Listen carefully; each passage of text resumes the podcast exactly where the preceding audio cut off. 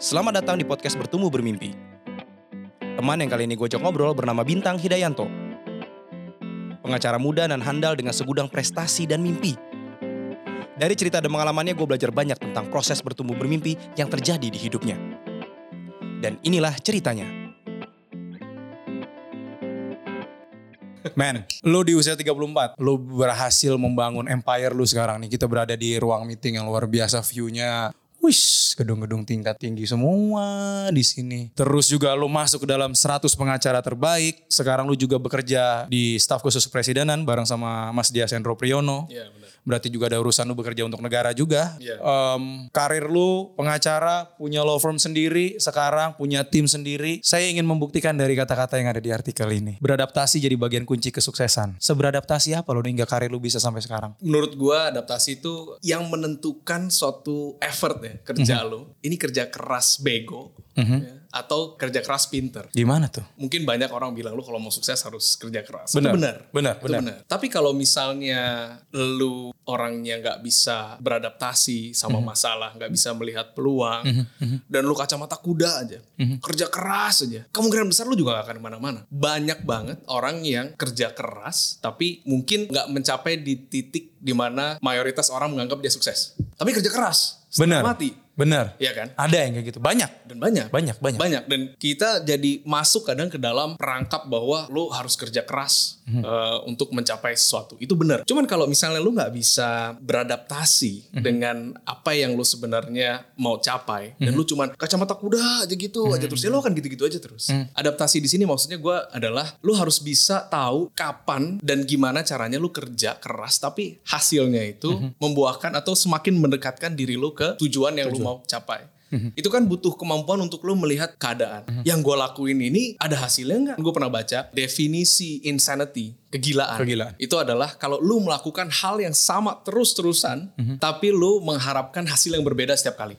Oke. Ya kan? Gue dari pagi jam 9 masuk kantor, pulang jam 9 malam, setiap hari Setiap kayak hari. begitu. Senin sampai Jumat. Senin sampai Jumat lo melakukan hal yang sama terus-terusan tapi ekspektasi lo berubah setiap hari setiap saat Mhm. mungkin harapannya gue today akan seperti ini besok akan seperti itu Mhm. itu definisi insanity dan menurut gue itu adalah saat di mana lo melakukan yang namanya kerja keras doang Mhm. mungkin bisa jadi bagi banyak orang itu uh, suatu hal yang bisa diterima juga tapi Mhm. bagi gue enggak gue punya goal gue punya tujuan Mhm. gue kerja keras di tengah jalan kalau gue ngerasa wah gila nih gue gak ke mana-mana nih gue harus bisa beradaptasi. Oke. gue harus bisa menyesuaikan dengan effort gue waktu lu kan terbatas men. Benar. lu cuma bisa melek sehari berapa jam sih 24 jam nggak Nggak mungkin. susah mati Udah kepotong paling nggak 6 sampai 8 jam buat tidur. iya kan kamar mandi buat Kamar apa segala mandi, macam iya, ya kan iya. 10 jam lah kepotong. Belum di jalan kalau lagi Nah. mau ke kantor. Kalau sekarang udah mulai macet Udah mulai macet. ya kan jadi lu harus strategi sama waktu lu Mhm. gimana caranya lu berpikir strategis itu dan lu menjadi adaptif terhadap apa yang lu lakukan Mhm. supaya yang lu lakuin ini hasilnya maksimal menghasilkan hasil maksimal untuk mendekatkan lu ke mimpi lu apa tujuan lu Oke, lu tadi bilang ada momen yang ketika kita bekerja keras begitu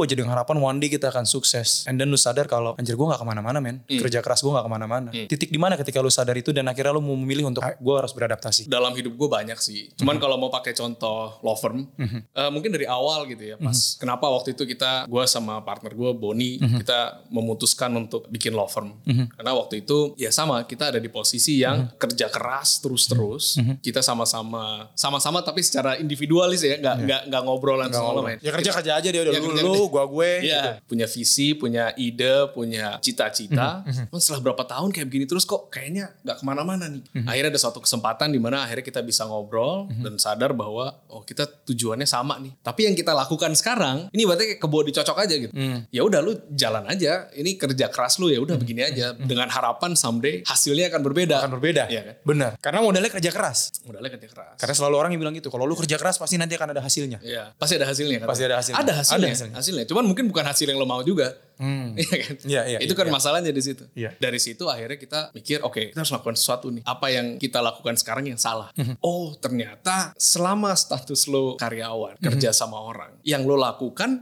adalah untuk orang lain. Memang itu adalah tugas, lo, Tugas. kerja sama orang. Iya. Iya kan? Ya lu kerja keras untuk orang lain yang menggaji lu. Iya, exactly. Akhirnya kita mikir, ya udah, ini sederhana aja. Mhm. Tandanya kita harus ada di posisi yang mempekerjakan. Mempekerjakan. Mempekerjakan orang tujuannya apa? Untuk membantu kita mencapai Tujuan. tujuan. Di situ salah satu defining moment lah di situ. Defining moment. Sederhana banget dan gue yakin banyak banget orang-orang yang ngerasa lagi di cubicle lagi kerja Iya, gitu kan iya, jam iya, 3 iya, pagi iya. terus kayak gue ngapain Gua ngapain ya? Gue ngapain kayak gini gitu. Waktu gua sama keluarga gue jarang. Iya. Terus gue juga kayaknya cita-cita gue kok kayak makin malah makin jauh. Nah itu. Itu kan pertama tuh ya. Mhm. Lo ada ide tuh. Tapi itu nggak berhenti di situ men. Bener. Gak semudah kayak oke gue akan mulai dengan usaha sendiri. Hmm. Tapi ketika lu udah mulai resikonya juga banyak. Pasti. Gue tuh merasa yang namanya menjadi karyawan. Mhm. Itu memberikan semacam false sense of security. Oke. Jadi lu merasa bahwa lu ada dalam selimut yang memberikan lu ketenangan, dan Ketenangan. kenyamanan. Comfort zone. Comfort zone. Lu buka selimut, aduh dingin di luar. Iya. Ya kan? Anak-anak begini aja. Ya udah gini aja deh, ya udah biarin mau, mau selimutnya kepanasan atau kurang anget. Udah, udah, udah, gue udah. mager. Itu keluar dari selimut itu berat banget. Walaupun lu lagi tidur lu mimpi, ah gue pengen keluar dari selimut ini. Iya. Nah, cuman keluarnya itu yang berat. Nah, dari situ kemampuan untuk adaptasi itu sebenarnya itu juga. Gimana caranya lu memaksa diri lu untuk melakukan sesuatu yang mungkin lu sendiri nggak nyaman dengan itu. Dan gak yakin biasanya. Dan lu pasti nggak yakin. Siapa yang bisa jamin? Gak ada yang jamin. Gak ada yang bisa jamin. Cuman karena kebutuhan, keadaan yang memaksa dan lain-lain, akhirnya lu memaksakan diri lu untuk ngambil keputusan yang nggak nyaman buat lu. Tapi lu perlu lakukan itu untuk survive. Ketika lo memutuskan, oke kita kita usaha sendiri deh. Gue gak mau kerja lagi sama orang. Gue mau kerja sendiri dan gue pengennya mempekerjakan orang. Pada perjalanannya itu kan pasti levelnya sudah nggak di level lu yang masih ada di selimut dan lu menjadi karyawan. Iya. Itu ada di level yang berbeda. Iya. Proses adaptasinya pasti akan jauh lebih sulit. Iya. Bagaimana lu handle itu? Pada saat lu udah keluar dari selimut, lu langsung ke expose sama elemen-elemen yang lu nggak tahu bahkan ada sebelumnya. Lu akan ke expose sama stres-stres, sama pusing-pusing dan kekhawatiran, Kekhawatiran. anxiety yang, yang lu bahkan tadinya nggak tahu itu ada. Ada. Ternyata ada. ternyata ada Iya, gitu iya. kan. Gue nggak yakin orang ada yang pernah siap ngadapin ini. Kemampuan lu untuk kemudian meyakinkan diri lu sendiri bahwa lu bisa, tapi at the same time lu juga harus strategis ya. Jadi double nih pada saat lu udah keluar, lu ke expose sama elemen, lu harus berani, harus punya konsistensi, harus Mhm. bisa push diri lu sendiri, tapi at the same time lu juga harus tahu lu nge-pushnya ke arah yang benar. Yaitu kemampuan lu untuk tahu lu lu nih lagi kerja keras apa kerja pintar. Hasilnya Mhm. mendekatkan lu ke mimpi lu nggak. Jadi lu pada saat lu buka selimut lu, lu terpapar dari dengan elemen-elemen. Mhm. Oke, lu merasa berat bebannya, tapi lu nggak akan kepikiran balik lagi ke selimut. Karena lu udah mikir, oke ini udah jalan gua, gua Mhm. udah jalanin ini, I have no fear dan gua akan lanjutin karena gua nggak mungkin gagal.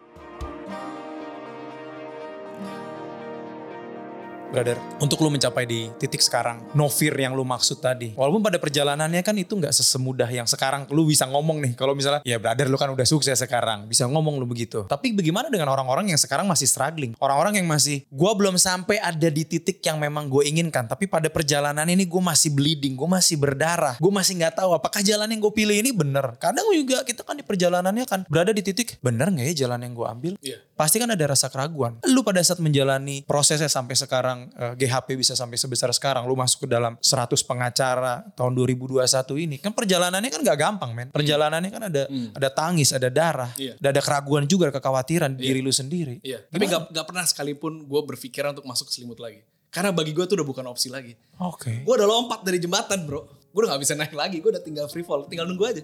Gimana caranya kemudian di saat lo dihadapi masalah. Lu gak mundur. Tapi lu berpikir cara gimana lu untuk survive.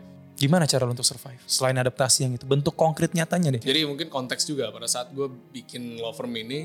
gak ada duit. Oke. Anak kedua gue baru lahir. Wow. Nah, itu kan. Itu kurang masalah apa lagi. ya kan? Nah, Anak kedua lagi. kedua iya kan Anak kedua. kalau anak pertama ya udahlah masih ya udahlah Ya udah. walaupun gak gampang ya cuman anak kedua ini kan tadi double Double. ya akhirnya ngumpul-ngumpulin gua sama Boni kekumpulan 15 juta Oke. jadi yang lu lihat semua ini Modalnya 15 juta tadinya. Wah, oke.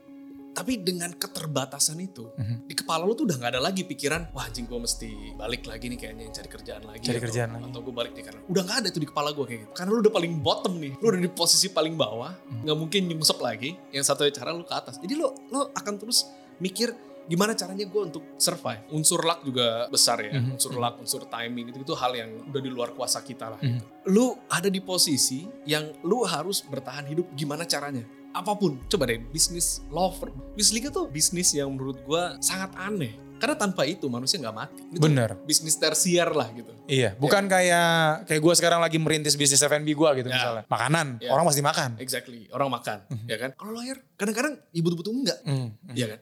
Waktu itu juga keadaannya dunia apa ekonomi global juga lagi dalam keadaan yang nggak bergairah bergairah banget. Jadi masalah tiga, gue bikin law firm Itu di saat usia gue 20, 28 tahun. Wow. Lu bayangin, lu sebagai misalnya lu punya perusahaan gitu ya. Terus lu butuh orang untuk ngebantuin lu.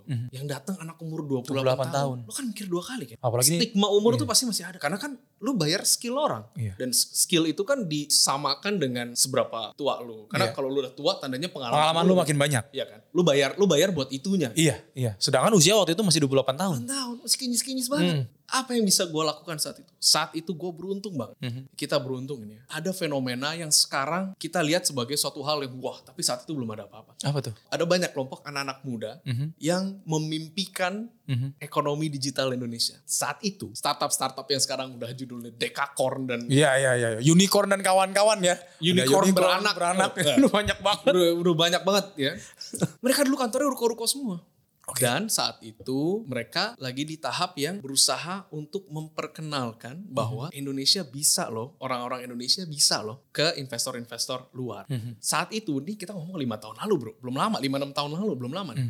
Saat itu Indonesia itu sama sekali nggak dianggap sebagai negara yang punya potensi atau nggak ada orang yang bisa memprediksi bahwa dalam waktu lima tahun akan ada perusahaan-perusahaan sebesar yang kita lihat sekarang ini dan mendominasi Southeast Iya. Asia region. Iya, Nggak ada. iya. Orang mikirnya ya oke lah Indonesia populasinya banyak, Iya. penetrasi internetnya lumayan. Lumayan. Ya oke mungkin 10 tahun lagi, 20 tahun lagi, tapi nggak secepat ini. Ternyata mereka yang gila-gila ini, Mhm. yang hebat-hebat ini, ada beberapa hal yang gue bisa bantu mereka. Hmm. Contohnya, lu punya company nih di Indonesia, Mhm. terus ada investor dari Amerika mau invest ke lu. Caranya Mhm. gimana? Panjang kan? Panjang. Dan biasanya orang nggak tahu ya gimana ya langsung lanjut langkah berikutnya apa ya? Lu jago, lu jago coding, lu bikin produk, lu jago marketing dan segala macam. Iya. Tapi ternyata hal yang seperti itu memang bukan bukan Bukan ranah lu. Bukan ranah lu. Bukan ranah pekerjaan masalah bego atau enggak. Iya. Syukur alhamdulillah itu yang gue lakukan. Gue lawyer corporate. Hmm. Gue ke pengadilan bisa dihitung pakai jari. Tapi kerjaan gue kayak gitu-gitu. Nah di situlah gue melihat, oh ada kesempatan nih. Hmm. Dan di saat itu mereka-mereka ini belum di tahap yang berani bahkan pakai lawyer. Zaman itu bahkan masih lu ke law firm itu kayak anjing gila. Pasti mahal. Hmm. Pasti mahal. Akhirnya gue gue sama mereka. Dalam beberapa bulan di awal, Mhm. lu tuh banyak kerjaan gratisan. Untuk membuktikan konsep bahwa satu, lu butuh skill yang gue tawarin ke lu. Mhm. Dan skill ini valuable buat lu. Lu tau gak orang-orang yang gue bantu di awal itu, sampai sekarang masih jadi klien kita. Ya mas sekarang udah jadi besar-besar ya. Udah gak, udah gak tahu ke mana-mana. Boleh disebutin gak sih? Jangan. Jangan. Confidential. Bukan. Apa? Kita gak dibayar. Iya.